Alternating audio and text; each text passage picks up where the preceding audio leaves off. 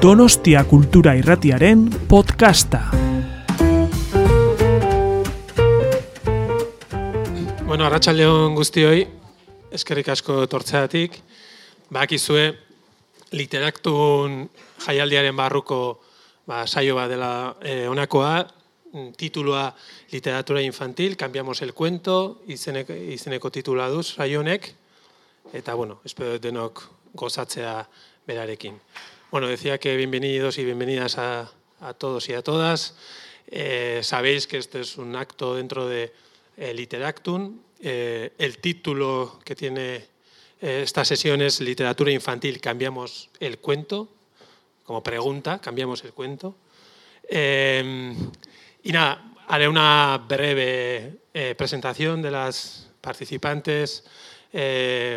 Y bueno, empezaré con, por orden alfabético con Yolanda Arrieta, que seguro muchas de vosotras y muchos de vosotros ya conocéis, eh, autora en nuestro contexto muy conocida, sobre todo de literatura infantil y juvenil. Tiene un montón de libros publicados, eh, más de 30 años. Ella dice que más de 30 años, bueno, no sé si más de 30 años, pero que vive del cuento de alguna forma. Eh, Media vida. media vida. Y, pero además de publicar eh, libros de mu mucha índole, voy a comentar algunos por comentar. Eh, Marishor en 2018, Vicenta Chiqui en 2018 también, le dieron el premio Euskadi con una novela de literatura juvenil, eh, Argiaren Alaba. Eh, bueno, Marigona Gorri, Tamas Aspiberri, este mismo año ha tenido el premio Lizardi, ha obtenido el premio Lizardi. Bueno, así podría estar eh, toda la tarde. Eh, pero aparte de eso, también es muy interesante su faceta como mediadora, diría yo, eh, como bueno, eh, sus trabajos de formación de profesores, de alumnos y alumnas. y bueno, tiene muchísima experiencia dando talleres sobre literatura infantil y juvenil, etc. De eso también hablaremos. Bueno, Belén Gaudes, bienvenida y gracias por, invitar, eh, por aceptar la invitación. Ella es licenciada en Publicidad y Relaciones Públicas por la Complutense, por la Universidad Complutense. Ha trabajado, ha trabajado durante años en el ámbito del diseño y de la comunicación, pero bueno, desde do- 2007, en 2007 creó junto con un compañero eh, la editorial Cuatro Tuercas, eh, con proyectos editoriales muy, muy interesantes, eh, en donde, bueno, entre otras cosas, tiene mucha importancia el enfoque de género. eh, por lo tanto, pues bueno, es eh, bueno, más que pertinente que esté ella con nosotras eh, aquí. Y, y, bueno, pues muchas gracias, como decía, por venir. Eh, y por último, eh, Sandra Sánchez, gracias también a ti, San- Sandra, por haber venido. Es diplomada de- en biblioteconomía y licenciada en documentación, eh, doctora en filología hispánica y clásica, eh, en este caso en la Universidad de Castilla-La Mancha, y trabaja allí también en la Universidad de Castilla-La Mancha, eh, que es directora de la Biblioteca General del Campus de Cuenca, y también trabaja como profesora asociada en, en la Facultad de Ciencias de la Educación. Bueno, además de eso, también es coordinadora de la revista OGNOS, que es una revista referencial sobre lectura en el ámbito hispano, eh, una revista académica eh, que recomiendo para todos aquellos y aquellas que estáis interesadas en las cuestiones de, lectura. Y bueno, hechas las presentaciones, eh, bueno, quería lanzar un poco la primera pregunta, que es el punto de partida de alguna forma de esta charla. se llama, el título es Literatura infantil, infantil cambiamos el cuento en- como pregunta, y de alguna forma el punto de partida es, eh, como seguro muchos de vosotras y de vosotros eh, escuchasteis o leísteis en febrero una noticia que tenía que ver con Roald Dahl, eh, en el que en las versiones originales de Roald Dahl en, in- en inglés, la editorial propuso publicar nuevas versiones de los libros de Roald Dahl, digamos, adaptadas o, digamos, cambiando algunos, eh, algunas expresiones, conceptos, etcétera, que se consideraban poco adecuados para estos tiempos, para eh, moralmente ina- inadecuados, políticamente incorrectos, como queréis llamarlo. Y entonces quería partir un poco preguntando sobre esa cuestión, eh, digamos ya eh, para entrar en calientes sobre el tema, eh, ¿qué sensación tuvisteis cuando leísteis la noticia? ¿Qué impresión, qué primera impresión tuvisteis cuando leísteis esta noticia? Y quizá empiezo con Sandra, porque justo acabo de, saber que su tesina la hizo justamente sobre Roald Dahl. Y entonces, bueno, Sandra, ¿qué, qué sensación tuviste cuando leíste esta noticia? Ojo, sí, se oye.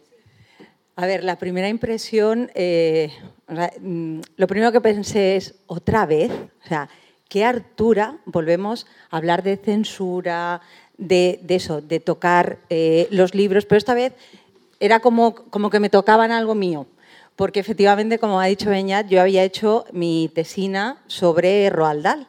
Entonces, bueno, era un autor que me, que me apasionaba, había, había leído y sí que es verdad que, bueno, mm, sabía de pues, las críticas que había recibido siempre su obra desde el primer momento y bueno, pues que había ciertos colectivos que señalaban que su obra era eh, racista, que tenía cierta misoginia hacia las mujeres, y luego había muchos mediadores que no les gustaba su, obra, porque consideraban que era un autor muy, muy moralizante. Entonces, cuando me planteé hacer la tesina, dije, bueno, pues voy a hacerla de Roald Dahl. Y claro, según fui profundizando en la persona y en las obras, pues me apasionó más esa forma de escribir, cómo llegaba a los niños. Y luego también lo que hice fue trabajar con, los niños, entonces ver cómo iban recibiendo los, niños esas lecturas varios años después. Entonces, como yo había visto cómo, con qué pasión recibían los niños esos cuentos, esas historias, eh, me sentó mal, me sentó muy mal. Eh, la primera impresión es como, no, no, a Roald Dahl no se le toca. Sí que es verdad que luego eh, rascas en la noticia, eh, te pones a leer y efectivamente ves que, bueno, que hay muchos matices. Es cierto que bueno, eh, los titulares lo que buscan es eso, es captar tu atención, que tengas esa primera reacción.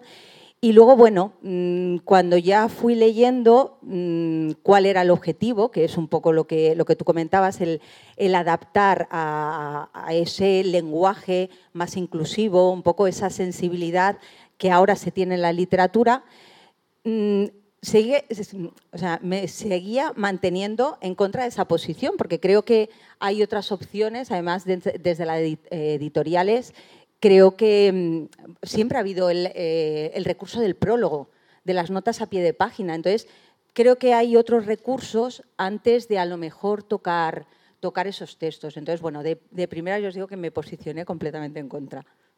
Sí, tengo que decir que creo que al finalmente la editorial decidió mantener dos versiones, es decir, ahora mismo puedes adquirir la versión, digamos, original de Roald Dahl, siguen editando y han e-, editado estas nuevas versiones, es decir, que el lector o la lectora puede decidir si no estoy equivocado. ¿Qué os parece a vosotras? ¿Qué tal? Buenas tardes. Yo supongo que estaréis esperando que yo diga que me parecía fantástico, maravilloso y que qué bien que no se diga gordo, feo, bruja. Pues todo lo contrario. Además, en casa Roald Dahl somos fans de la obra de Roald Dahl. Yo creo que lo que más se ha leído en casa, yo tengo niño y niña, bueno, ya tienen casi 15 y 12, y, muchas noches hemos leído a Roald Dahl y hemos leído a Gianni Rodari. Es decir, que yo creo que son como nuestros autores de, de referencia. Lo primero que hice fue eh, no creerme lo que estaba leyendo, porque últimamente todo lo que se dice en los medios, es lo primero que tienes que saber es que, aunque lo pongan en la tele o lo digan en el periódico, tienes que saber que eso puede que no sea verdad, y más, y más ahora. Entonces empecé a investigar. Eh, vi lo que, lo que se pretendía, luego descubrí que después los derechos de la obra de Roald Dahl los ha comprado Netflix, entonces empecé a entender que aquí hay una cuestión de mercado. Entonces, eh, lamentablemente, todo eh, en esta vida, en este mundo, eh, lo mueve el dinero. Entonces, eh, me sentí, nos llamaron de muchos medios a nosotros esperando esa respuesta de qué os parece, porque es difícil encontrar a alguien que diga, me parece mm, perfecto. Entonces nos llamaron muchísimo. Yo dije, pues no me parece bien porque creo que cada obra tiene su contexto, su historia, su momento histórico y me parece que es un momento perfecto, que es lo que yo hacía con mi hija y con mi hijo, cuando me decían, eh, cuando algo les sorprendía en un libro, de poner en el contexto en que eso fue escrito, cómo fue escrito, por qué, con qué intención y en qué contexto histórico. Con lo cual mm, a mí también me dolió profundamente que se quisiera tocar a, a, Roald Dahl y no, yo nunca versionaría eh, una obra de Roald Dahl, jamás. No le quitaría esos matices, porque creo que además, por mi forma de educar y lo que nuestra misión como editorial pretende, permite eh, abrir debates en casa, que a mí me parece muy interesante. La lectura para mí tiene que ser algo divertido fundamentalmente, tiene que divertir y tiene que apasionar, pero también porque no puede servirte como familia, como mediadora que somos las familias, para poder abrir ciertos debates en casa, ciertos melones que a veces los padres y las madres no sabemos muy bien cómo hacer y los libros nos sirven para ello. Con lo cual, no, Roald Dahl y bueno, a ver, a ver qué hace Netflix, claro, porque son más mercado, no puede ser. No, Roald Dahl no. Ni Rodari tampoco. Yolanda. Bueno, pues más de lo mismo, ¿no? yo dije, ¿y quién lo ha hecho? ¿Y por qué lo ha hecho? ¿Y quién, le, ¿Y quién le ha dado permiso para hacer esto, no? Roald Dahl no está aquí. ¿Por qué lo hacen, no? Pues invéntate otro cuento. Pero no utilices el, nombre de Roald Dahl para luego hacer lo que tú quieres, ¿no? O sea, eh, entonces, claro, está el tema del, del negocio. Entonces, utilizar, se, utilizan, se utilizan el nombre, se utilizan eh, los títulos para hacer luego lo que ellos quieren. ¿no? Y eso me parece que eso no se puede hacer. Eso no, no, debería de ser ni legal porque la obra de Roald Dahl es tal cual y si alguien quiere hacer alguna versión de alguna obra suya, que parta del, del, original y que busque otras maneras de hacerlo, pues coge ese personaje, que lo ponga en otro contexto para que que podamos crear metaliteratura. Pero eso es otra cosa. Como el propio Roald Dahl ya hizo, por otro lado. Eso es. Eso es otra cosa. Eso es crear, pero eh, sin matar al padre o a la madre. Tú sigues haciéndolo tus cositas, pero partiendo de esa obra, no sustituyéndola. Entonces, ¿quién lo ha hecho? ¿Por qué? ¿Quién le ha dado permiso para hacer eso? ¿Eso es legal? No debería de ser legal más cuando está muerto. Yo creo que o sea, realmente es lo que, lo que hemos comentado. Em, hay un negocio detrás. Entonces, es legal porque los herederos fueron los que dieron su consentimiento. Lógicamente, claro, en una sociedad, porque va a salir el tema, en una sociedad en la que cada vez se prohíbe más, todos los textos tienen que ser más edulcorados, yo creo que el, miedo que podían tener los herederos y la propia editorial era el descenso de las ventas, porque al final, pues lo que decíamos, Roald Dahl ha sido siempre un autor muy señalado. Entonces, antes de perder ventas, ¿qué hacemos? Modificamos ciertas cuestiones, porque es verdad que en el caso de Roald Dahl no era esa adaptación, era simplemente tocar ciertas palabras. Es un poco la defensa que ellos tenían. Y es verdad que también la familia se ha escudado un poco en que Roald Dahl ya lo hizo en su momento. de la primera edición de Charlie la fábrica de chocolate a la segunda, la editorial le propuso que cambiara pues, de ser los umpalumpas africanos pigmeos, eh, se convirtieron en ayudantes blancos. Entonces, la familia un poco se excusaba en que mm, simplemente era mm, actualizar el lenguaje. Era como, bueno, lo maquillamos un poco. Pero en el fondo, o sea, el, trasfondo que hay es un trasfondo económico. Entonces, precisamente, pues me pasó igual. Cuando ya me puse a indagar un poco, esto es verdad, esto cómo es, seguía posicionándome en contra porque el objetivo, aunque lo disfrazaran de una actualización al, lector actual, realmente lo que se buscaba era no perder ventas. Haciendo un poco de abogado del diablo, eh, leí algunos argumentos que tenían que ver justamente con el tema de la, reescritura. ¿no? Alguno eh, leí que decía, que por otro lado es verdad, que la reescritura de, en la literatura infantil eh, es bueno, una cosa muy eh, habitual desde ya Perrault y los hermanos Grimm y las diferentes versiones que han existido, etcétera, etcétera. Es decir, que es una constante eh, el hecho de la, de la, reescritura y de la adaptación de clásicos en este caso. Y entonces leí que esta persona decía, ¿y por qué no se va a hacer lo mismo con Roald Dahl? No sé vosotras cómo, cómo lo veis. Si veis alguna diferencia o si, bueno, con este argumento yo en mi caso, nosotros eh, reescribimos los clásicos, así. Soy yo la que, junto con, junto con Pablo, que es aparte de mi compañero en, Cuatro Tuercas, es mi pareja, padre de mis hijos, sí reescribimos los clásicos con una clara intención. Bueno, primero porque son de dominio público, segundo porque vienen de la tradición oral, eh, hermanos, eh, hermanos Grimm, que también los cambiaron, Perrol, y han sufrido muchas modificaciones. Para empezar, las que todas conocemos y que son las que llegan a nuestros hijos y a nuestras hijas fundamentalmente, son las de Disney, no nos engañemos. Es muy... Eh, y llegan mucho, no solo con la peli, sino con toda la maquinaria, merchandising, princesismo, todo eso. Es lo que llega a las casas de la gente normal y corriente. ¿Y, por qué ahora escribimos los clásicos? Con una clara intención. Nuestro, nuestro proyecto solo tiene, solo tiene sentido si existe el clásico. Es decir, a, nosotros nos han, nos han, llegado a decir que ¿por qué no hacemos otros cuentos?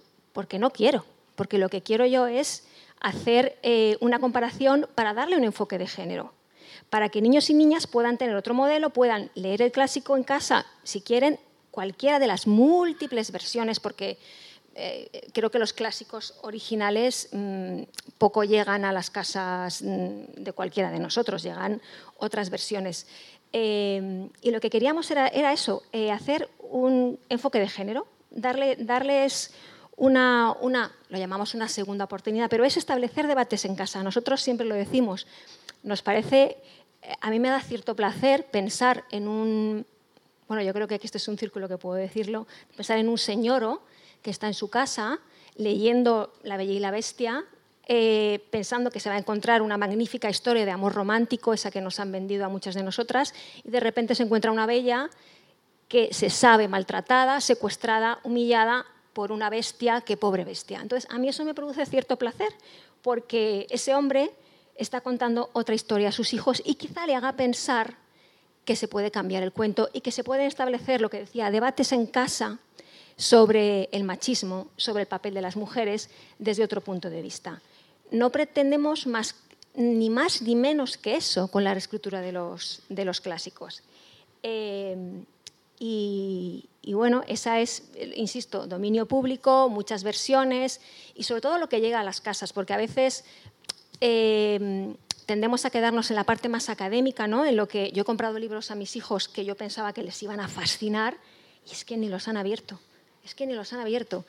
Eh, ¿Qué pretendemos con esto? Pues eso, que los, establecer esa comparación y que se empiecen a detectar esos machismos que lamentablemente tenemos en las tiendas, en los centros comerciales, en los juguetes, en las pelis, en las series trabajarlos en las escuelas, trabajarlos en... Nuestros cuentos se trabaja mucho para adolescentes, con esas relaciones tan tóxicas que se dan hoy en día, se trabaja mucho para mujeres maltratadas, que siguen creyendo que el príncipe azul existe y va a venir a rescatarlas. Pues yo me siento orgullosa y a nosotros de verdad me parece súper... Eh, súper curioso que hemos recibido críticas tanto de, los que son muy puristas de los clásicos como de la extrema derecha. Entonces llega un punto que dices, nos han dado por todas partes. Yo siempre que vengo a una, mesa redonda, siempre pienso que me van a dar. Y vengo ya, bueno, venía con Barta en el tren ya haciéndome el chiste del gato. Digo, aquí me van a dar por todas partes.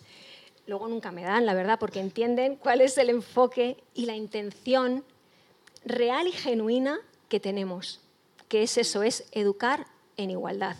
Y eso me parece, bueno, eh, y que los niños y las niñas se diviertan con los cuentos que, porque y que los disfruten, porque si no, no tendría ningún sentido. Eso lo puedes hacer también con el original. Yo esta semana lo he hecho. Pero yo no quería hacer eso. Vale, me parece muy bien, me parece muy bien. Y, y, el tema es muy complejo, es muy complejo. Pero esta misma semana eh, hemos trabajado el cuento de Marichor, que es mm, La Cenicienta Vasca. Tenemos un, hice una versión con ilustraciones, pero el cuento, eh, la estructura, los personajes, la trama, mm, son igual, los hemos mantenido como en el original. Lo que pasa es que luego lo hice yo con los niños y luego abrimos debate. Y hicimos tres preguntas. ¿eh? ¿Qué, ¿Qué, hay en el, en el cuento? ¿Qué ha cambiado? ¿Qué es lo que se mantiene? Y a partir de ahí salieron todos los temas de género. Todos. Me dijeron, no, pues es que ahora no hace falta que una chica eh, se case para tener una casa. Perdona, Yolanda, eh, para hacernos una idea, ¿qué edad tenían los niños y las niñas? De 9 a 11 años. Claro, ¿sabes lo que pasa, Yolanda? Que tú fuiste con, solo esa, les in- pregunté, con esa ¿eh? intención y tú preguntaste, pero hay muchísimas casas y muchísimas escuelas donde eso no se hace. Y entonces, Y ahí entramos en el tema de la literatura infantil. Y ahí entramos en el tema de para qué, para qué se utiliza la- o se quiere utilizar la literatura infantil, qué entiende la gente por literatura infantil y qué espacio se le da en la universidad, magisterio, por ejemplo, o en la escuela. ¿Para qué se lee? Si se lee. Si se lee. ¿Y para qué se lee? ¿Para qué se compra la literatura infantil? Ayer estuve con profesores, después de tres sesiones de dos horas, seis, seis horas, dos, dos, dos, seis horas, ¿eh? viene una profesora y me dice, oye, un cuento para, para trabajar los celos.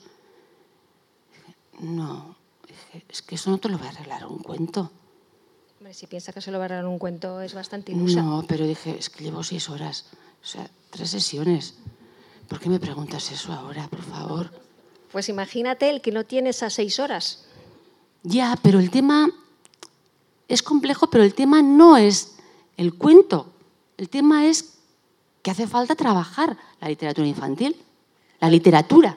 ¿Para- ¿Qué es literatura? Creo, a ver, Es arte. Yo un poco la, la visión que, que hemos manejado siempre en el, en el centro, en el centro de investigación donde estamos, el, el gran problema de la literatura infantil precisamente ha sido el querer instrumentalizarla, el que tenga que servir para algo. Entonces, eh, cuando empiezan a, recogerse esos primeros cuentos infantiles, que no, no eran así, no tenían moraleja, en cuanto se recogen se pone esa moraleja. Entonces, cada vez que se han ido haciendo adaptaciones, lo que se ha buscado era que esos cuentos dijeran algo, sirvieran para algo. Entonces, el gran problema, yo creo, de, de las adaptaciones es cuando adaptamos buscando una intención. Es verdad que Belén ha dicho dos cosas muy importantes. Es verdad que ella tiene una intención cuando hace esas adaptaciones, esa visión de género, pero también ha dicho algo muy importante y es que los cuentos tienen que gustar, tienen que atraer. Yo, eh, en, nuestro centro, como trabajamos mucho, pues todo este tipo de cosas, en la biblioteca teníamos la colección y antes de venir aquí estuve viéndola. Entonces, a mí lo que, me, lo que me gustó de esta colección es precisamente lo cuidado de la edición. Entonces, al final la literatura infantil tiene que servir para que le guste, o sea, para que atraer al niño. La literatura in- infantil no tiene que tener otro sentido. Sí que es verdad que si la literatura es buena, tú de cualquier obra mm, vas a, hacer- a tener una visión de género. Yo, por ejemplo, ya os digo, con, con el tema de Roald Dahl, que es que me dolió profundamente, yo he trabajado eh, cuestiones de género con Matilda. Matilda es, bueno, yo creo que de los libros de la literatura juvenil que más provecho se le puede sacar a roles y a estereotipos. Y, ya os digo, y, no estaba pensado, no está escrito con una visión de género, una persona que se la ha tachado de, misógino. ¿Vale? Y eh, un poco la idea es, es eso, cuando se hacen adaptaciones, el propio Roald Dahl adaptó todos los cuentos populares, pero realmente lo que, lo que buscaba no era reescribirlos para que tuvieran una enseñanza, no, simplemente desmontaba los cuentos populares y, lo volvía a reescribir con otra visión. Yo creo que las adaptaciones sí, siempre y cuando mm, mantengan el espíritu de lo que es la literatura infantil, que es, pues eso, buscar el, atrapar al, al niño, el fascinar con lo que estás contando, más allá de que luego tenga una enseñanza. La buena literatura, mm, hay libros estupendos para trabajar los miedos nocturnos, los celos, hay de todo, de todo está escrito, pero siempre y cuando no se haya escrito precisamente para eso. Yo creo que ahí está la, la gran diferencia entre, entre una adaptación y otra, porque adaptación es lo que dice Belén, hay muchísimas. Y, madre mía, hay algunas que efectivamente buscan el, el vender, porque Caperucita vende, porque Blancanieves vende, porque los tres cerditos, pero las versiones son malísimas. Eh, Tremendo. Mira, os voy a contar una anécdota, para, sobre todo porque quiero que entendáis lo genuino de nuestro proyecto. Y os, sonará de verdad ingenuo, pero es que la intención es clara. Eh, a nosotros vino a casa, a, bueno, al estudio, eh, el mayor grupo editorial que hay ahora mismo, el que se come todo, el que se come todo, a comprarnos la colección de las dos veces hace ocho años quizá, sí, ocho años. Y, nos dijo que era la oportunidad de nuestra vida, que vamos, vamos. Y, y entonces yo le pregunté, bueno, ¿y qué te han parecido los cuentos? Y no se los había leído no se los había leído. Entonces yo dije, ¿what? ¿Perdona? no, no. No, es que no le interesaba, le interesaba que son cuentos, eh, pues nosotros de verdad es que fuimos pioneros en esto, ahora hay muchísimas editoriales, que, lo que, que, la verdad es que grandes, grandes editoriales que, que, ni siquiera tienen un enfoque de género real, que lo que buscan es empoderar a las niñas como sea, ala, ya está. Y eso me parece tremendo, tremendo. Pero a mí eso me, llamó mucho la atención porque era el coordinador editorial de infantil de un gran grupo editorial. Y yo dije, ¿y no te has leído los libros? Y nos dijo, pues, pues le, y le dijimos que no. Y dijo, pues vais a perder la oportunidad de vuestra vida. Y dijo, pues ala, tira, tira para allá, ¿sabes? Entonces, lo que quiero decir es que a mí lo que, lo que me chirrea de todo esto es la cuestión de mercado, que entiendo lo que decís, los cuentos para. Eso que va, típico, quiero un cuento para que hablara de la muerte, quiero un cuento para lo entiendo, entiendo esa visión y, la verdad es que a mí también se me abren las carnes. Pero este proyecto es, está basado en, precisamente en compararlo con el clásico y establecer esos debates que sería maravillosos que en todas las casas, en todos los colegios hubiera un mediador, pero eso no existe. Entonces, bueno, pues yo le doy un pasito, un pasito más allá. Y ese debate que dices de para qué la literatura, pues sí, es un gran melón, es un gran melón. Y creo que, y creo que es ese es el debate, porque si no estamos hablando en las ramas y, el tronco es ese, o sea, ¿para qué la literatura infantil? ¿A qué le llamas literatura? ¿Qué es la literatura? ¿Y qué es la literatura infantil? ¿No? Y, qué espacio se le da? ¿Qué espacio se le da en el periódico? ¿Qué espacio se le da en, las noticias? ¿Qué espacio se le da en los planes de lectura?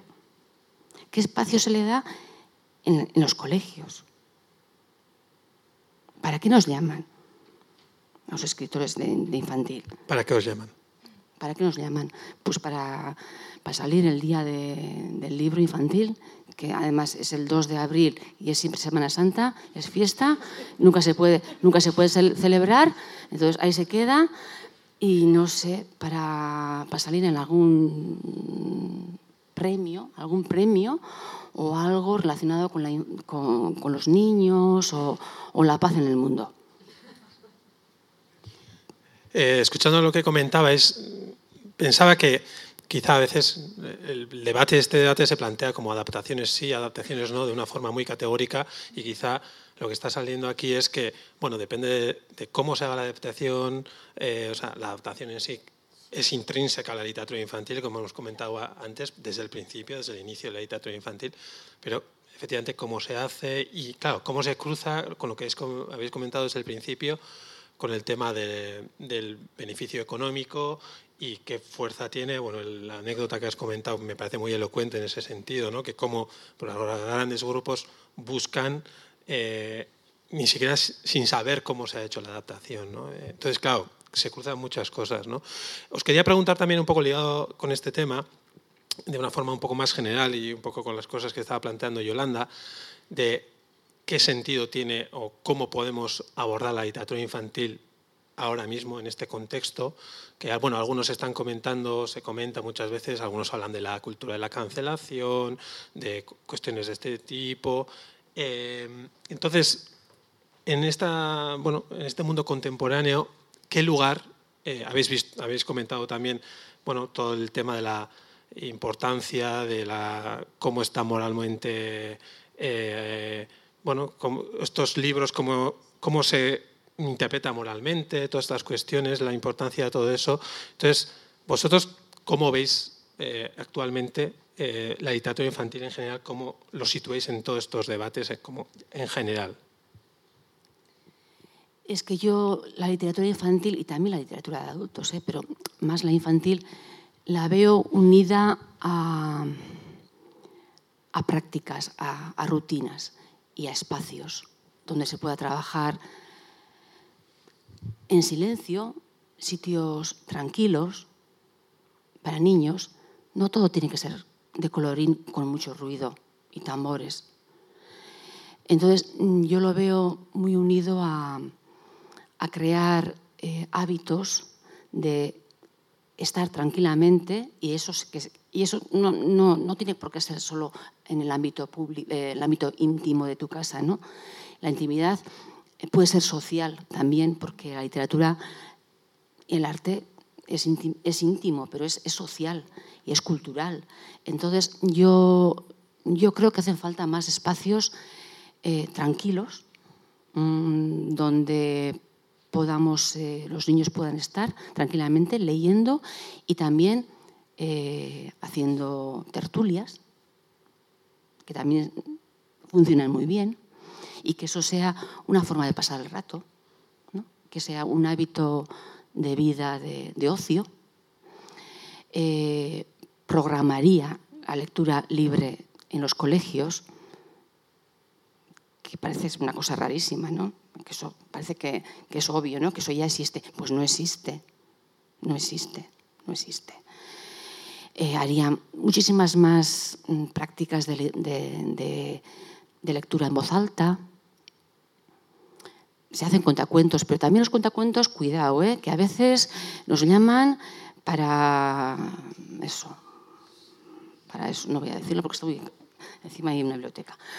Pero bueno, eh, pero por ejemplo, mm, música y poesía, eh, pero que los niños sean los protagonistas. ¿no? Mm, se me ocurren muchísimas cosas en las que se puede eh, utilizar la palabra mm, desde una forma vivencial para trabajar la intimidad. No solo las emociones, que he visto en algún colegio, he visto las emociones en distintos conjuntos, emociones buenas, malas y las intermedias, con colorines. Y dije, no, o sea, mm". bueno, no hablo de eso. ¿eh? Hablo de utilizar la literatura para aprender a vivir mejor. Y para eso hacen falta espacios y gente y tiempo. ¿Vosotras cómo, cómo lo ves? A ver, yo creo que, que falta mucha literatura infantil. O sea, realmente hay mucha literatura infantil, se está editando mucho y muy bueno. Hay muchos autores, además hay sellos editoriales pequeñitos que están haciendo auténticas maravillas en literatura infantil, o sea, en álbum ilustrado, en cómic. Pero yo creo que en general hay poca literatura infantil en las casas, en los colegios, o sea, realmente se desconoce mucho la literatura infantil. Y es verdad un poco lo que plantea Yolanda. Eh, yo soy bibliotecaria. Es verdad que ahora mismo trabajo en biblioteca universitaria, pero eh, siempre, mm, pues eso, siempre me ha gustado el, contacto con los niños. Entonces, eh, me ofrecí para dar un taller para padres en la Biblioteca Pública de Cuenca, que hacían muchísimas actividades, muchos cuentacuentos, talleres de lectura, y la directora quería hacer un taller eh, de lectura en familia. Y bueno, nos llamó al centro para ver, pues eso, eh, cómo podíamos organizarlo. Y más o menos el enfoque que quería del taller era para niños de la misma edad que tenía mi hijo, para niños de 6 a 7 años. Y la verdad es que me pareció una idea muy buena, precisamente por eso, porque al final eh, ves que la gente desconoce la literatura infantil. Los padres quieren que los niños lean, pero realmente no tienen estrategias para acercarles la lectura ni los buenos libros. Entonces le dije que me ofrecía yo, que yo me ofrecía a llevar el taller, iba con mi hijo y así aprovechaba y a mí la parte de contar eso me cuesta, me cuesta más. Entonces había unas chicas, yo seleccionaba el libro que íbamos a leer cada sábado, era todos los sábados por la mañana. Cada sábado yo elegía el libro, las chicas lo contaban y yo hacía esa pequeña formación de padres.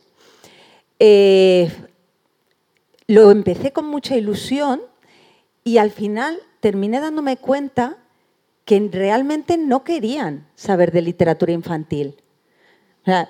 yo les, eh, después de cada sesión, los niños hacían una pequeña actividad vinculada con el libro que habíamos leído y yo hacía una pequeña formación para padres, para enseñarles a seleccionar, para enseñarles que hay libros que hablan de temas, pues lo que decía Belén, hay temas complicados que en las casas es difícil abordar, pero con un libro, entre media, es mucho más fácil.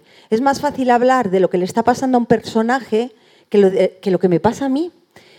Y claro, la sorpresa que me fui llevando, estuve con, este taller dos años, la sorpresa que me iba llevando es que no, que no, no, les importaba la parte de la formación. Ellos iban porque los sábados por la mañana estaba muy bien ir a la biblioteca, que le contaran un cuento a los niños y ya nos llevamos el libro para la semana. Y luego ya nos tomamos la caña. Era un poco lo que... Claro, era el plan. Entonces, sí que es verdad que hay una cultura del libro, de la biblioteca, pero la literatura infantil es una gran desconocida.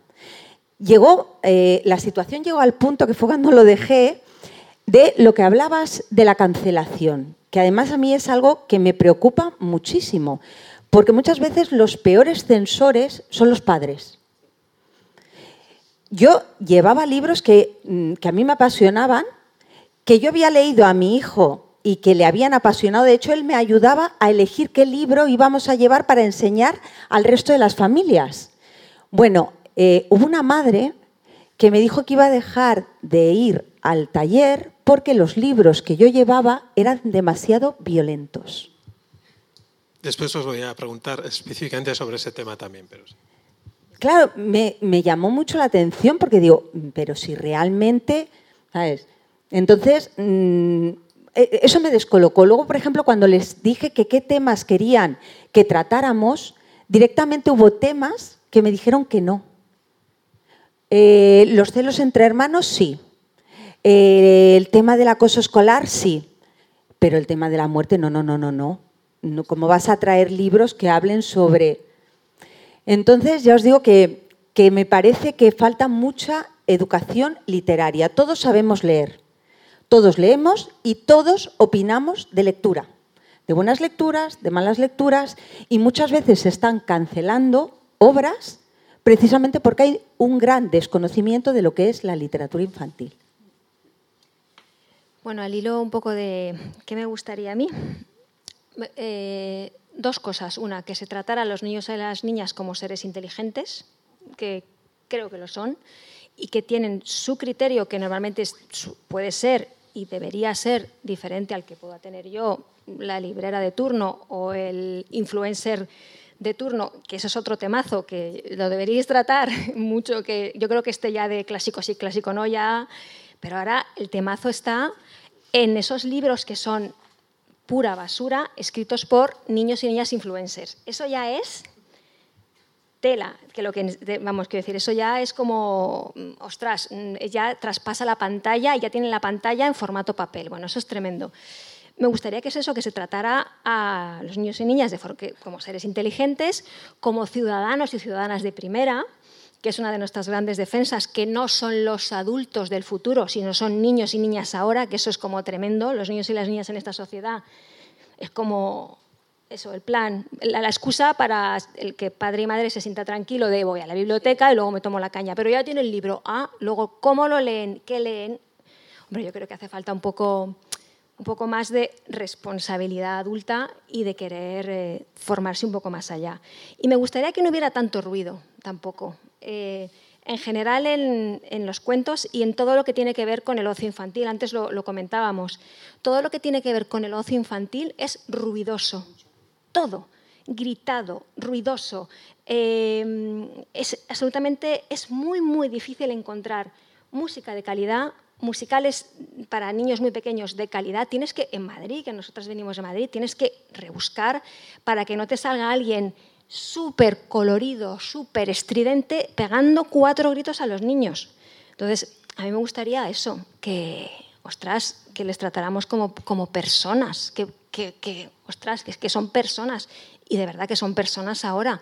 No son las adultas del futuro, que es que eso de verdad creo que, somos una sociedad absolutamente adultocéntrica, no solo en los cuentos, sino en absolutamente en todo. Te cojo, te, te meto la cuchara, te doy de comer, te, te, subo a la silla, te, ¿sabes? No te pregunto, te, te toco, te beso sin que tú...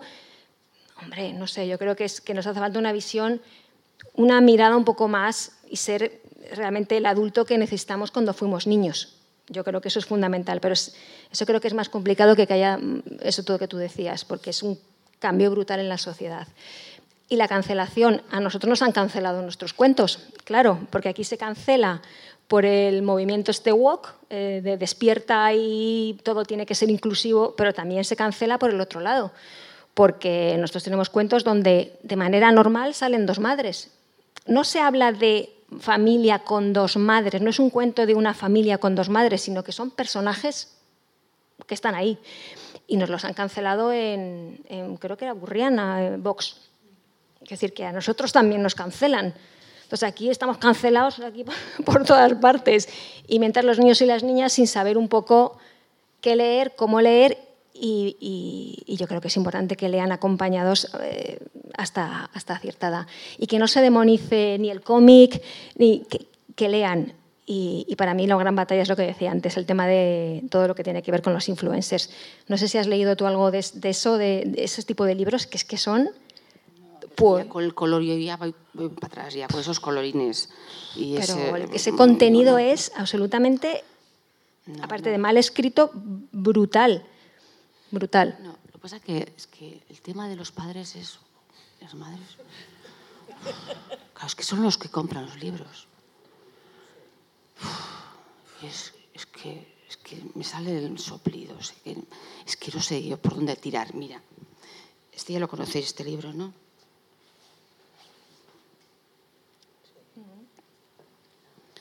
Esto lo conté yo solo lo conocí en la, pandemia y la, autora lo estaba presentando. El libro es Migrantes. Migrantes, pero es negro. Y son migrantes. Y hay un niño que se muere. Qué triste, me dijeron. Ya, pero es que son migrantes. Que luego estás viendo en la tele y le dejas al niño ver la tele y estás tú haciendo otra cosa. Y se lo está comiendo con patatas. Muy triste.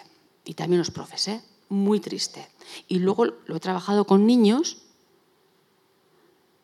y los niños lo entienden.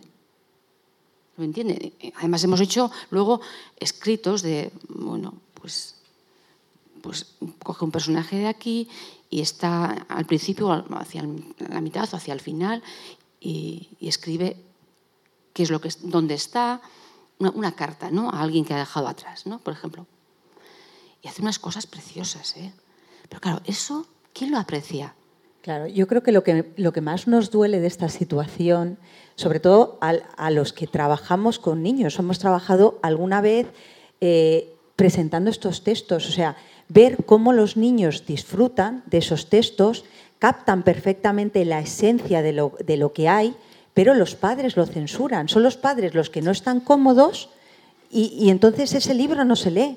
Pero si tu hijo disfruta con eso, entonces claro, nos duele más porque nosotros hemos vivido y hemos visto cómo esos niños disfrutan, pero luego son los padres los que están incómodos con cualquier cosa, porque mm, por una escena, porque es que las ilustraciones son muy oscuras, claro, es que se fijan en cosas que dices, es que te quedas en lo superficial, realmente no has entendido nada. Yo, fijaros, la, anécdota que os contaba fue, era, habíamos leído eh, La peor señora del mundo, de Francisco Hinojosa. No sé si lo conocéis, es una historia divertidísima de una señora malísima, que eh, continuamente pues mm, agrede, porque les agrede físicamente a, los convecinos de, esa ciudad, abren un, muro para que... No, la, mujer abre el muro para que no se puedan escapar. Bueno, la historia les parece divertidísima. Yo me acuerdo que además durante muchos años mi hijo me pedía que le contara ese cuento por la noche. Y ese fue uno de los cuentos por los que esa madre ya decidió que no venía más.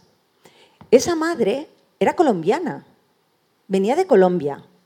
Claro, entonces digo, vamos a ver, esto, mm, que tú me lo digas, es verdad que luego intentas, yo muchas veces cuando me han pasado estas cosas, que de verdad que hay veces que me cuestiono si a lo mejor soy yo la que está equivocada, porque al final oyes tantas voces, tanto ruido, porque hay ruido por todas partes en esto de la literatura infantil, que ya te cuestionas si eres tú la que tiene falta de sensibilidad. A ver si yo con los libros que les llevo efectivamente estoy eh, promocionando la violencia. Y no, luego te das cuenta que es verdad que, a lo mejor a, esa madre le pasaba lo mismo que a mí con Roald Dahl, que había vivido situaciones violentas y el hecho de verlo de forma explícita, intentas ponerte en, por qué un padre eh, actúa así. Entonces yo creo que, un poco es eso, ellos eh, leen de forma literal, ellos ven violencia. Esa madre veía esa violencia por la que ella había salido de Colombia y al final pues no le gustaba que su hija viera eso, porque hay ese sobreproteccionismo de que no vean que esto no pase, que a mi hija no le pase, pero las realidades están ahí. Entonces, ya os digo, yo creo que a los que vemos eh, todo lo que se puede hacer con la literatura infantil, aún nos desgarra más, pues eso, eh, ciertas actitudes, yo lo he visto mucho en padres, también lo he, dicho, lo he visto en mediadores en profesores. Yo, por ejemplo, en, la universidad doy clases a educadores sociales, a futuros educadores sociales, y les enseño libros para hacer intervención socioeducativa a través, pues, por ejemplo, ese libro, ese libro para tratar todo el tema de la, de la inmigración va fenomenal. Entonces, bueno, pues intentas enseñarles cómo los libros nos acercan a distintas temáticas. Bueno, pues chicos jóvenes, también hay veces que con según qué libros los ves que, pues eso, que resoplan. Y, ya les pregunto, digo, mm, ¿no os ha gustado? No... Y muchos me dicen que no, no lo leería, no lo leerías. Y claro, les pasa lo mismo. ¿Por qué no lo leerían? Porque no están cómodos. Primero, porque ya tienen esa visión de adulto y luego porque no tienen esa sensibilidad. Falta mucha educación literaria. Son chicos que no han leído. Y, es verdad que cada vez yo en, la asignatura que intento hablar de libros, intentar buscar esas eh, lecturas que podemos tener en común, ya no tengo lecturas en común con mis alumnos. Yo di clase en, tercero de educación social, que no sé, tendrán 20 años. Antes, por lo menos, yo usaba mucho Roald Dahl porque por lo menos lo teníamos como, como esa lectura que todos tenemos y si no la han leído han visto la película. Pero es que ya ni eso. Entonces, claro, al final tú intentas también a los futuros mediadores enseñarles esos libros y también te los censuran porque no los entienden, porque no tienen esa sensibilidad literaria. Y es muy preocupante esa situación. Porque no lo han trabajado. Siempre, yo siempre llego, es que mira que le he dado vueltas a todo esto, ¿eh? y siempre llego al mismo sitio. Lo que pasa es que no sé cómo se puede arreglar esto, porque no, lo sé, no lo sé. Porque sé que luego, a nada que, estés haciéndolo con niños y, lo vean y dices, pues sí, sí, sí, sí, sí funciona, ¿no? Y los niños son pensantes, o sea, son filósofos. Hay, hay un editor que trabaja en ello, ¿no? Que son filósofos, es que te hacen unas preguntas y hacen unas cosas, dicen, pa, pa, pa, y no les pasa nada eh, con que se haya muerto el personaje, es que se ha muerto hay que esperar a que se muera el abuelo para leer cuentos sobre la muerte. Ellos lo saben, lo saben. Y saben lo que es la pérdida, saben lo que es dejar las cosas, tu casa, eh, saben lo que es... Y, se ponen además en la, piel de los personajes, lo hacen. Pero claro, si hace falta que haya un adulto que no le tenga miedo a preguntarlo o a estar ahí con él, ¿no? Y eso es lo que falta. Es que es tan simple como eso. Tan simple y tan complicado. Claro que sí. Porque es, yo creo que es, que es complicadísimo. Em, total, yo ese libro lo, hemos es de libros de Zorro Rojo, yo este libro lo hemos leído en casa muchísimo, muchísimo. A mí me ha llamado mucho la atención lo que has dicho, que se le da el libro a veces en, en, las familias, a veces se le da como una, como ahí no se puede hablar de la muerte, pero luego yo me acuerdo que fuimos a un colegio, en aquella época, no sé si acordáis esa historia terrible del pescadito, ese niño que se cayó en un pozo, que había niños de 4, 5, 6, 7 años que estuvimos hablando de, cuentos y que estaban al cabo de la calle de cómo estaba ese niño, dónde estaba, dónde no estaba, dónde... ¡Ostras! ¡Ostras! Pero luego eso está eh, eh, comiendo, viendo esas noticias, lo que tú decías, pero luego no se puede hablar de eso porque es un libro.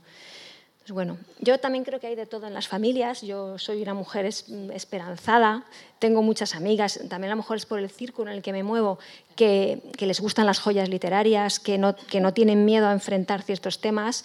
Eh, y también creo que, hay cierta infantilización, se dice, de las padres y, y los madres, de las padres y de, los, las familias en general, como que mm, les no, no, saben cómo enfrentar esas cosas.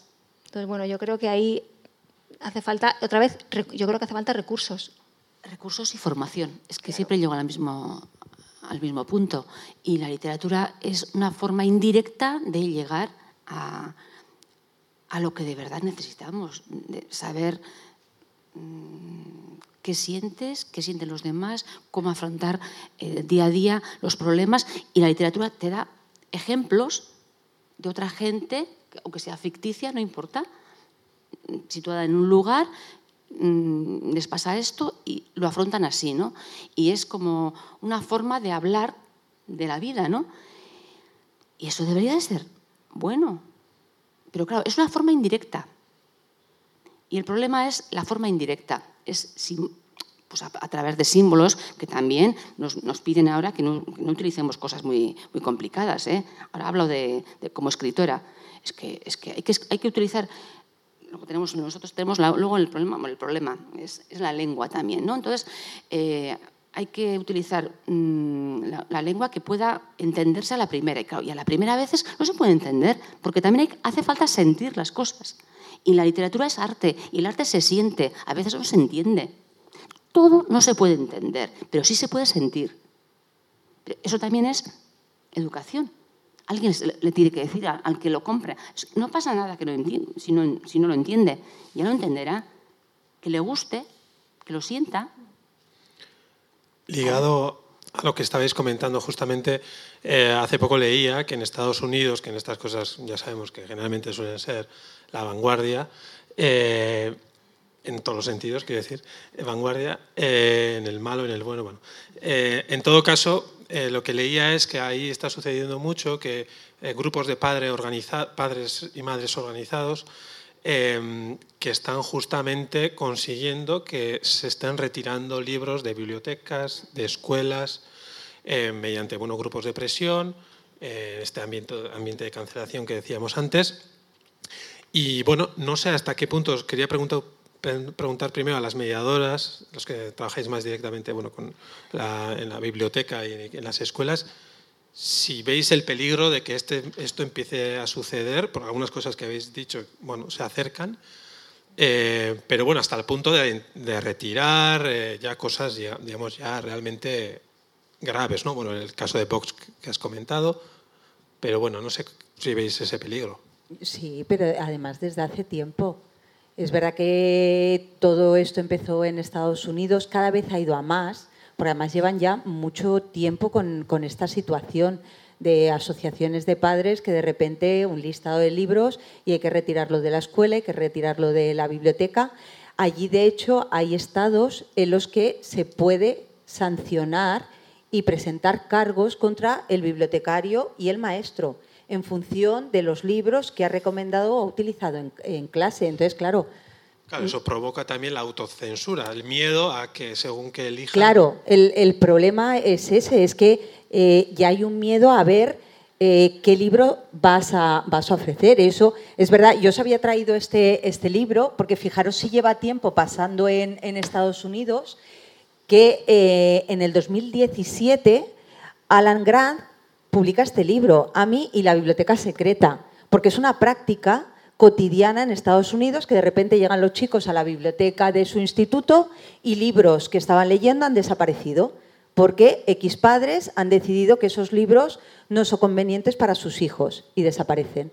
Entonces, bueno, cuenta la historia que además eh, sí que leí en prensa, eh, tiene que tener parte también de, verdad, tanto lo malo como, como, lo bueno. Aquí es que se reúne un grupo de chicos para recuperar esos libros y poderlos leer. Precisamente, pues eso, basta que prohíbas un libro para que incites a su lectura. O sea, que dentro de lo malo vamos a pensar que mm, algo de promoción a la lectura están haciendo. Y, ya os digo que refleja eso y es verdad que salía la noticia de eso, que dos chicas habían montado como un club de lectura clandestino para poder leer esos libros.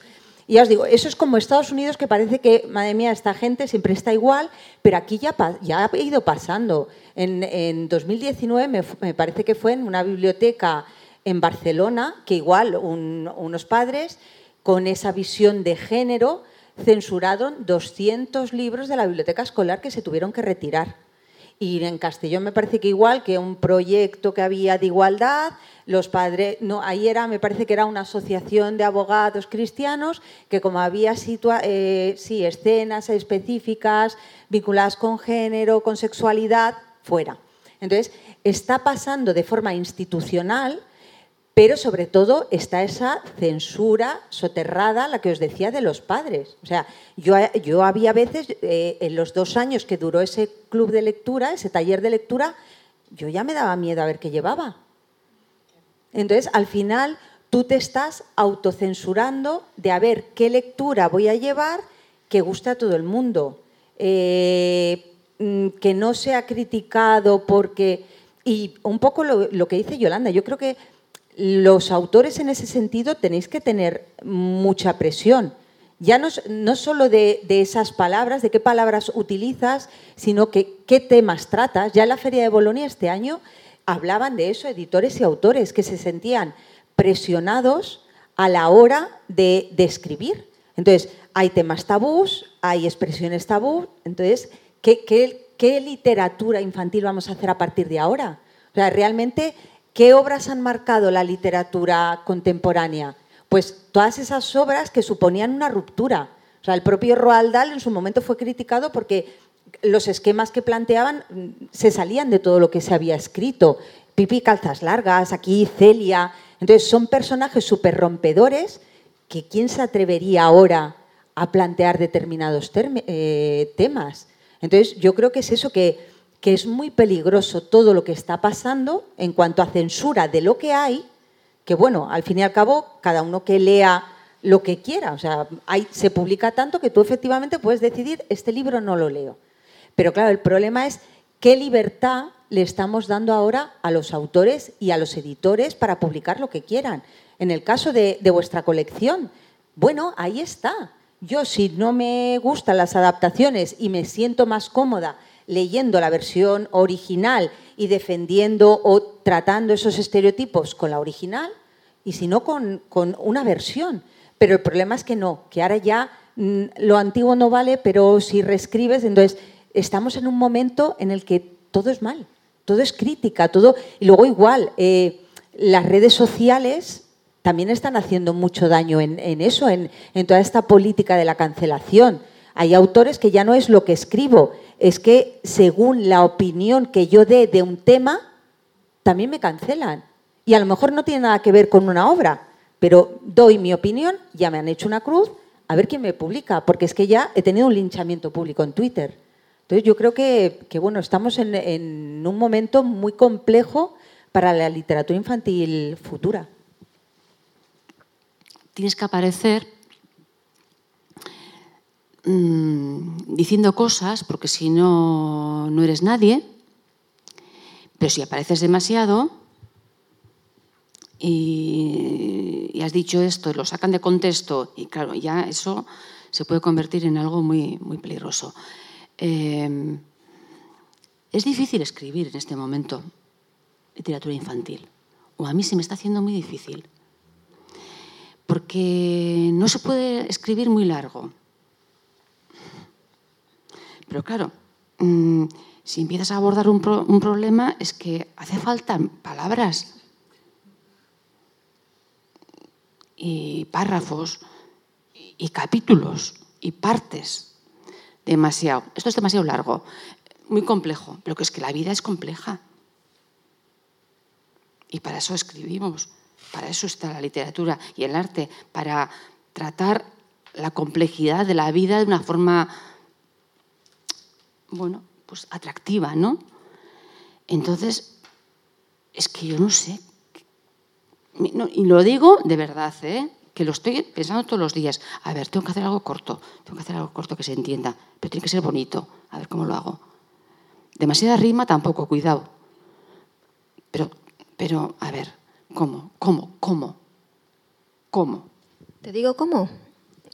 Como hemos hecho nosotros, haciendo nuestra propia editorial siendo ah. editores y autores. Ya tengo tres libros autoeditados y pues voy para el cuarto igual. Claro, pues al final nosotros eh, lo que decidimos fue, queremos hacer esto, eh, ahora estamos sacando, tenemos una colección que es totalmente en rima, hacemos lo que nos da la gana.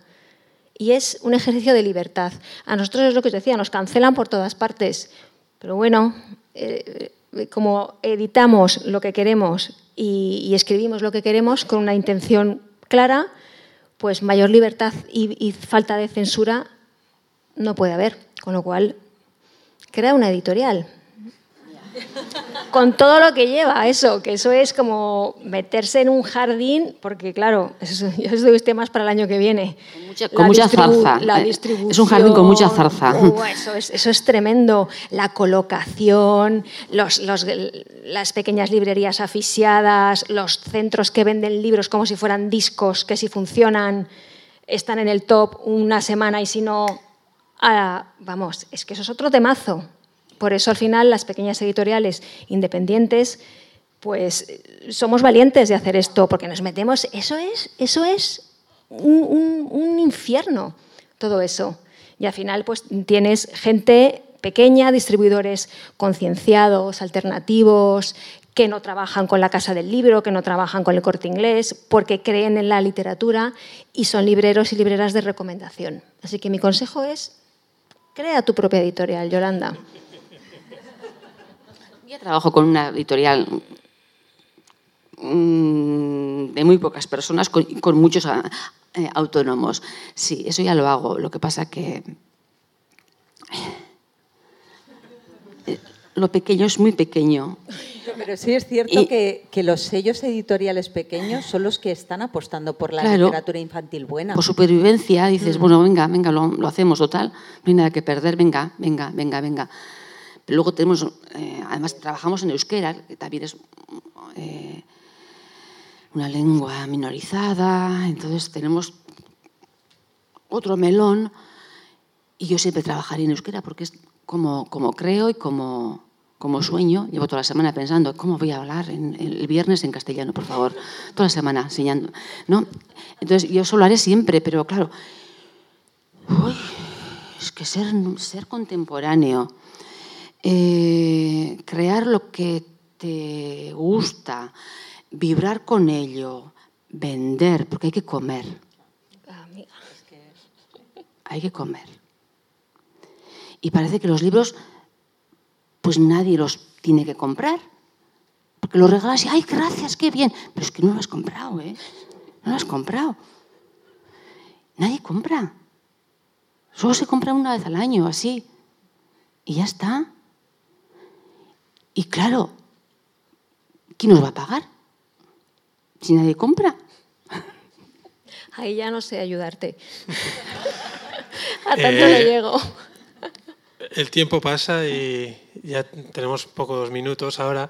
Eh, vamos a dar un turno para las preguntas, pero antes, muy brevemente, para acabar o casi acabar un poco con un poco de optimismo, os voy a pedir que, eh, bueno, que recomendéis algún libro, eh, una cada una, un libro cada uno, eh, de adaptaciones que creéis que en los últimos años, pues bueno, adaptaciones o no, pero que sean, bueno, creéis que recomendable y para que la gente, pues bueno, también pueda tener la ocasión de, de apuntar o de investigar. Ya han salido algunos, pero bueno, para decir que no todo es tan malo, ¿no? que siempre hay también cosas nuevas, buenas, adaptaciones. Y no sé, ¿quién se anima primero a recomendar a un libro? Yo he traído.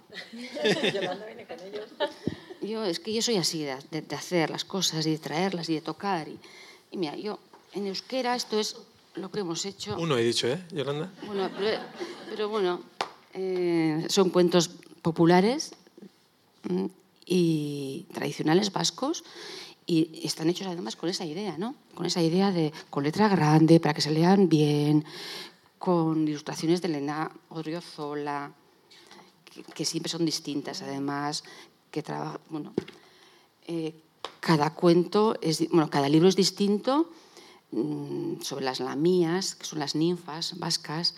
Eh, también hay cuentos malvados. Esto no lo compran los padres nunca. Nunca se queda el montón siempre igual. Y, los, niños van ahí y dicen, no, no, ese no. Este es el envío de Marishor, la Cenicienta Vasca. Y yo he traído esto porque esto creo que lo hicimos con una, editorial que eran dos, ahora es uno, y un montón de, de autónomos que trabajamos por ahí.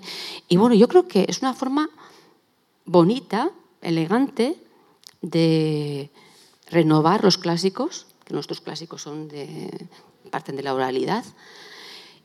Y bueno, pues, pues se me ocurre, ¿no? Yo echo para casa porque bueno, es lo que más conozco, aunque hay muchas cosas más, ¿eh? pero bueno, esto lo dejo aquí. Solo que aquí la gente que, ha venido aquí ya los conoce, pero bueno. ¿Vosotras? Pues yo mm, no lo voy a recomendar, es absurdo, pero nuestros cuentos están en euskera porque nos dio la gana. están en gallego, están en castellano, catalán, gallego y euskera. Porque quisimos, porque rentable, rentable no nos ha sido, pero oye, nos apetecía. Además, mm, lo queríamos hacer y lo hicimos. Y ahora la, la, segunda colección ya estamos ahí hablando de cómo que se enrima, de a ver cómo hacemos las rimas en, en euskera. Yo recomendaría cualquier libro de una editorial independiente. Nórdica, Takatuka, Zorro Rojo, mm, que paséis un poco de Penguins y, y estas editoriales que venden un poco al peso y que vayáis a las pequeñitas y que, y que, y que, las, y que vayáis a las librerías. Yo creo que la mayoría de la gente que está aquí será gente de librería, eh, y más en esta ciudad. En Madrid es Corte Inglés, Casa del Libro, Abacus, es decir, que vayáis a las librerías y que, y que os dejéis aconsejar pues, la, por la librera o el librero de, de, confianza, por esos mediadores, y que busquéis las pequeñas, esas pequeñas joyitas que hay. Yo es, es mi consejo. Sí, yo voy a decir un poco lo mismo, porque eh, se publica mucho y muy bueno. el problema es que se desconoce. Pero, a ver, el, mensaje en sí de la literatura infantil, la literatura infantil española tiene muy buena salud. hay muy buenos eh, autores, hay excelentes ilustradores, ahora mismo, eh, además con propuestas muy arriesgadas. Y, yo creo que realmente es eso, el, estar muy abierto a lo que se hace, apostar precisamente por eso, por esos pequeñas editoriales que son las que están arriesgando y las que están publicando de, mayor calidad.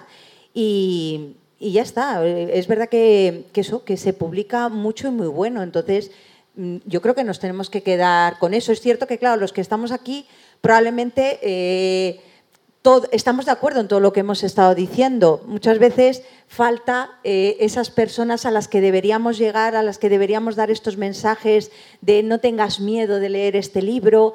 Mm, pero bueno, eh, yo creo que lo importante es quedarse con que hay muy buena literatura infantil ahora mismo.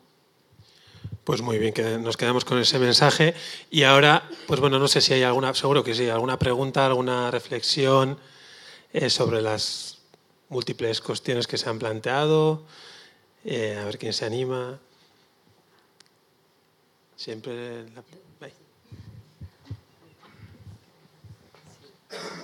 Bueno, primero muchas gracias a las tres. Como yo soy de la organización, eh, este tema me preocupaba muchísimo. Soy la directora de las bibliotecas. Eh, entonces habéis pasado, yo creo que el gran problema es la censura. Eh, estamos en una sociedad que censura. No es tanto solo que se censure la literatura infantil. Yo no sé si habéis oído, eh, la censura quiere ir también a la literatura de adultos. Entonces, eh, veo la postura de Yolanda.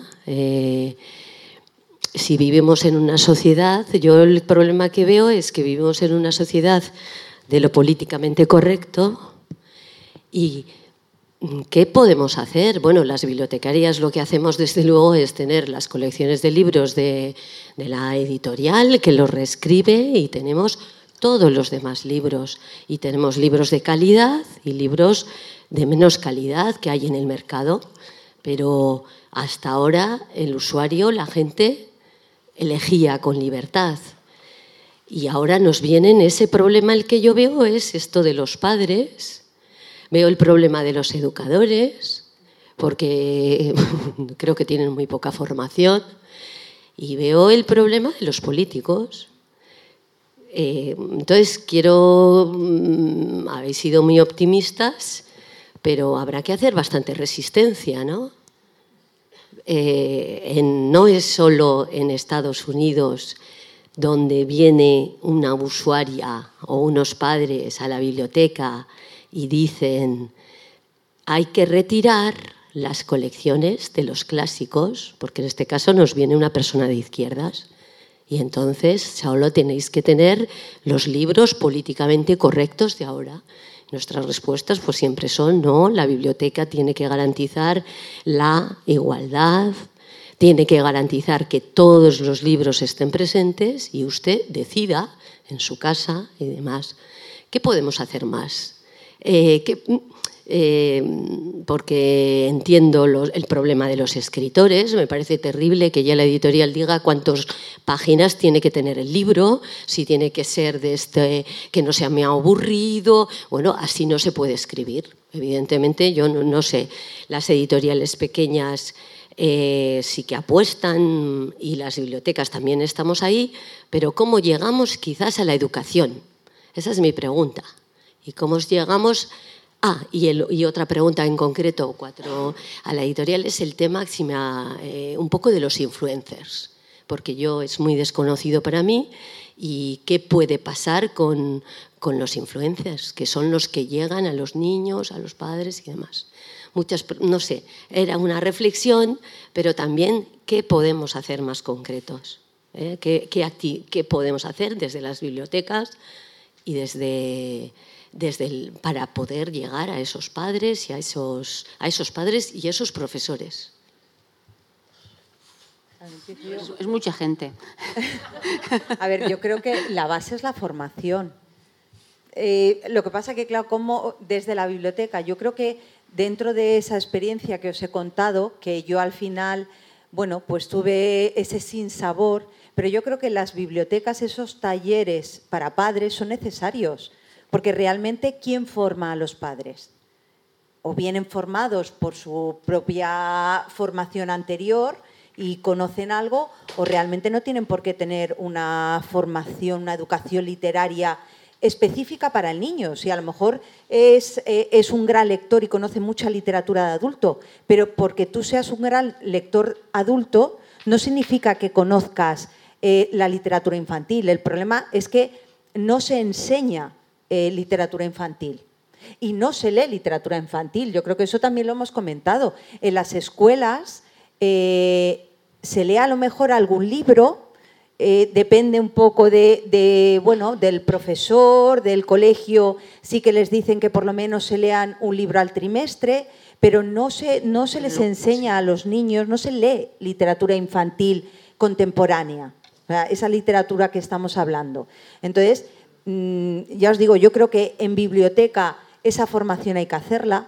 En las facultades, yo creo que, Beñat, tú también tienes experiencia ahí, yo creo que, eh, bueno, no hay muchas asignaturas, pero que sí que se intenta acercar la literatura infantil con esa visión más amplia.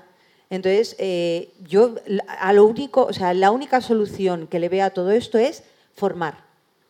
Es, la única forma de, que seamos capaces de no censurar, de, bueno, pues de tener esa capacidad de elección, pero para elegir hay que conocer.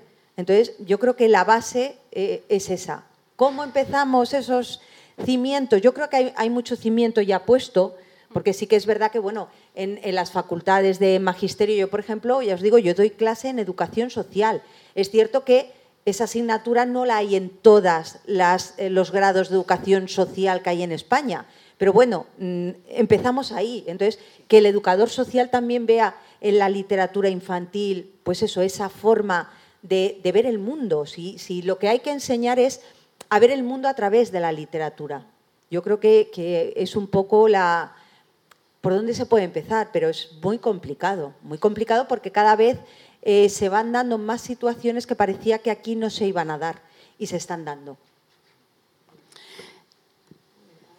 Yo eh, soy bastante, perdona, eh, soy bastante más optimista de, de, todo lo que estáis poniendo tan, tan trágico. ¿no? Yo tengo mi hijo y mi nuera, que están los dos en la docencia, y dicen que, que para, para que el, el alumno el, el, se vaya, digamos, se meta en la, en, en la, lectura, hay que dejarle en los pasillos, en las mesas, todo lleno de libros. Revista muy interesante, el suplemento del país, el suplemento de GAR, el suplemento, todos los suplementos. Que el, que el alumno eh, se toque, se, se, vaya tocando o, vaya cogiendo cualquier cosa, que, vaya, que cree un hábito de lectura. Mi familia mmm, se lee bastante, pero bueno. Y otra cosa ellos leen bastante y, lee, y, compran libros. No, no son usuarios de también son usuarios de biblioteca, porque yo le llevé el otro día y tal, pero, pero compran mucho libro. Pero, y yo, para los críos, por ejemplo, yo también estoy en tertulias literarias, en dos. Y yo creo que para los niños, lo que pasa es que en las clases no hay tiempo. Eh, ¿No sería conveniente darles un libro para que lean y luego entre ellos que lo debatan, que es interesantísimo, las opiniones que, tienen. Lo que pasa es que las ateriños también pues, no tienen tiempo para sacar otra hora para, para debatir ese libro que han leído los alumnos. Es que hay muchas formas de, de acercar a los críos a la lectura. Que primero hay que programar la lectura libre en los colegios. Mm. Libre. Dentro de la, del horario lectivo. Sí. Eso ya es una revolución. Pero eso hay que programarlo. Y no es tiempo perdido. Es que la escuela se creó para aprender a, enseñar, a leer y escribir, ¿no? Pues los niños no saben ni escribir ni leer. Quitándola a tus nietos, no, no, no, no, no, a nuestros hijos, a mis sobrinos nietos. Se depende con, si lo trabajas. Mm, vivo del cuento. Mm, recorro todas las provincias vascas y Navarra. Mm. Yo, vengo eh, a, yo, vengo de Arrasate. Todo. Bueno, pues arriba, abajo, Euskadi verde, la amarilla, la, la, la plana y la, y, y, la vertical. 30 años en eso. Sí, sí, sí. Y la evolución es en picao, con patines y cuesta abajo. ¿Tú crees? Eh, no, no es que lo crea, es que lo veo. Lo veo, lo vivo. Que en tercero leen todavía así. Y a veces en sexto. En las escuelas. Entonces, el tema de programar la lectura libre en clase, eso es ya una revolución. Y también doy talleres con los profesores de formación. Entonces, bueno, pues uno de los temas es ese, ¿no? Eh, fomentar el, eh, el ambiente sí. para la lectura. Y es, se basa en un círculo, que también tengo aquí el libro, se basa en un círculo, ¿no? Eh, que haya libros en todas partes, que se programen tiempos y espacios para la lectura. Y luego, ¿qué hacemos con todo eso que hemos leído, no? Tertulias, teatro, recitales, eh, eh, lecturas de, un libro eh, todo un día, que vengan los padres, que, que leamos juntos.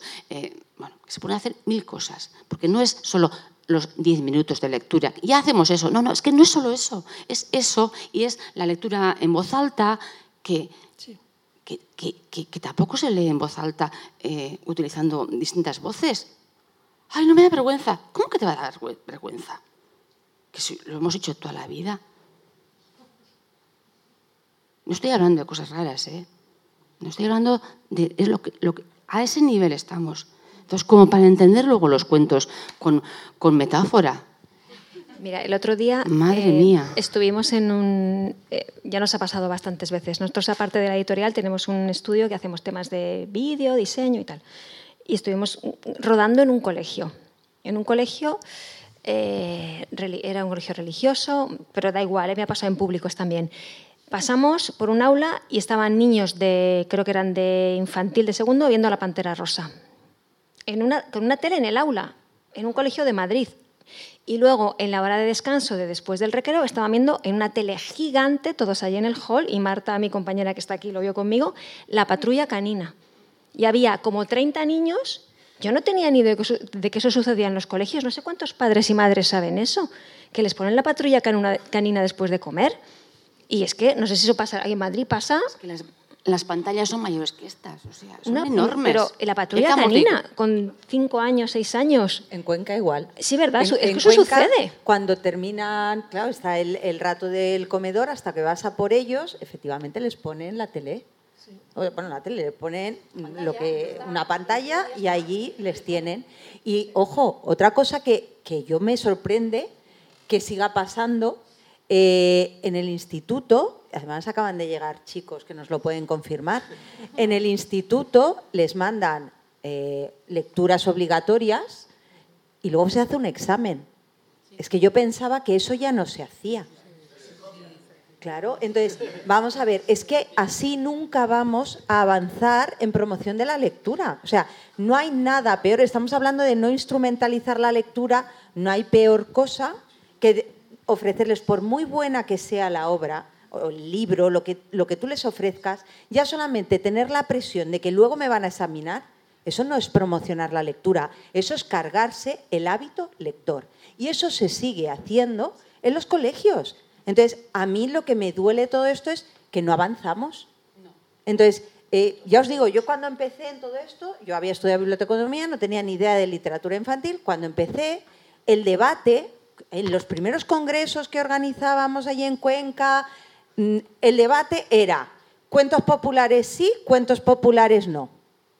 Y luego, ¿qué se hace en la escuela para promocionar la lectura? es que no se lee, es que habría que tener eh, lectura libre, los niños tendrían que tener acceso a los libros, dónde están las bibliotecas escolares, dónde están las bibliotecas de aula, esas prácticas que no favorecen. Y resulta que veintipico años después, el debate no ha evolucionado. Entonces dices, ¿y a qué me he dedicado yo estos 25 años de investigación, de trabajar con los niños, de intentar trabajar con los padres? Entonces, claro, llega un momento que, bueno, que vienes aquí y dices, bueno, que todavía hay esperanza, que todavía hay gente interesada, que hay chicos que vienen, pero duele, duele ver que como sociedad no hemos evolucionado en eso. No, y luego en, la educación es que estos serán mayores de, DBH, DBH en SUEC, la en Mayan. Es que tienen clases de, de 50 minutos. Claro, hay entre que, o sea, formar un círculo te cuesta 20 minutos. Porque hay que, mover las sillas. En la universidad lo mismo. Es que esta es una tontería, pero es que no es una tontería. Porque están todos así, todos. Y solo ves el cuello del de adelante. Y el altar es la pantalla. No hemos cambiado nada. Y la, la, estructura de una, de, una, de una aula quiere decir mm, mucho, ¿no? Y esos 50 minutos es que entre que arrancas, ¿qué tertulia vas a hacer ahí? ¿Qué tertulia? Y claro, hace falta masticar las lecturas. Hay que, eh, les digo a los profesores, los libros son como la plastilina. Qué bonito, qué bonito. Pues que la plastilina te da en la cabeza y te, sale un chinchón. La plastilina la tienes que, la tienes que moldear, tienes que... Y, la lectura, eh, leer no, se aprende con seis años, mm, hace falta toda una vida, porque en el momento en que cojamos un libro nuevo estamos volviendo a aprender, porque ¿qué es lo que querrá decir este autor, esta autora, ¿no? con este, esta, moda, eh, esta manera de escribir las cosas? Entonces, no se, no se acaba nunca de leer. Entonces, hay que analizar, hay que masticar, hay que amoldar y hace falta tiempo. Otro ritmo. Vamos al ritmo de, Internet, de ya, ya, ya. Pero es que ya no puedes leer nada. Ni abrir. el Creo que hay que masticarlo todo. Es- Todo. Eso es otro debate. La escuela, hay que masticar la historia, hay que masticar la filosofía, hay que masticar la lengua, la literatura, hay que masticarlo todo. No hay que tragarlo para vomitarlo en un examen. Pero bueno, eso ya sería otro tema, sería un menudo melón. Estaríamos aquí hasta... ya, pero es que esto tiene que ver mucho con eso. Porque, con, con eh, todo. Y lo que claro. tú decías del aula, de que solo ves el cogote de tu compañero, el que no sabes hacer un debate, no sabes, no tienes espíritu crítico, un montón de cosas. Y lo que decías de los influencers, que se ha quedado ahí en el tintero, ahora, y eso pasa mucho en la literatura adulta, los, libros, los autores y autoras se sacan de por el número de seguidores que tienes en Instagram. Y hay mucha gente que no es autor ni es autora, que es yo que sé, presentador, deportista, y se publican libros. Y son libros como los discos, eso, lo que os decía, que se, se queman, se queman y se venden y ya está. Y en la literatura infantil está pasando porque con esa sobreexposición, otro tema, de los menores en las redes, eh, que es brutal, eh, los convierten en un producto y sacan libros. Y sacan libros, de verdad, que echarle un vistazo en alguna librería, absolutamente tremendos. Con lo cual aquí tenemos un, con lo cual la solución, destruir el mundo y crear uno nuevo. Revolución. Yo, yo creo que sí. Es que no puedes arreglarlo. Esto- que- Bueno, creo que ya estamos fuera de tiempo. Eh, ya habéis visto que es un tema que, en fin, nos toca a todos y a todas muy dentro. Eh, y bueno, muchas gracias Sandra, Belén y, y Yolanda por la participación. A vosotras y a vosotros también eh, por escuchar y por las preguntas. Y nada, el Festival Literactum sigue y que tengáis muy, muy buena noche todos y todas.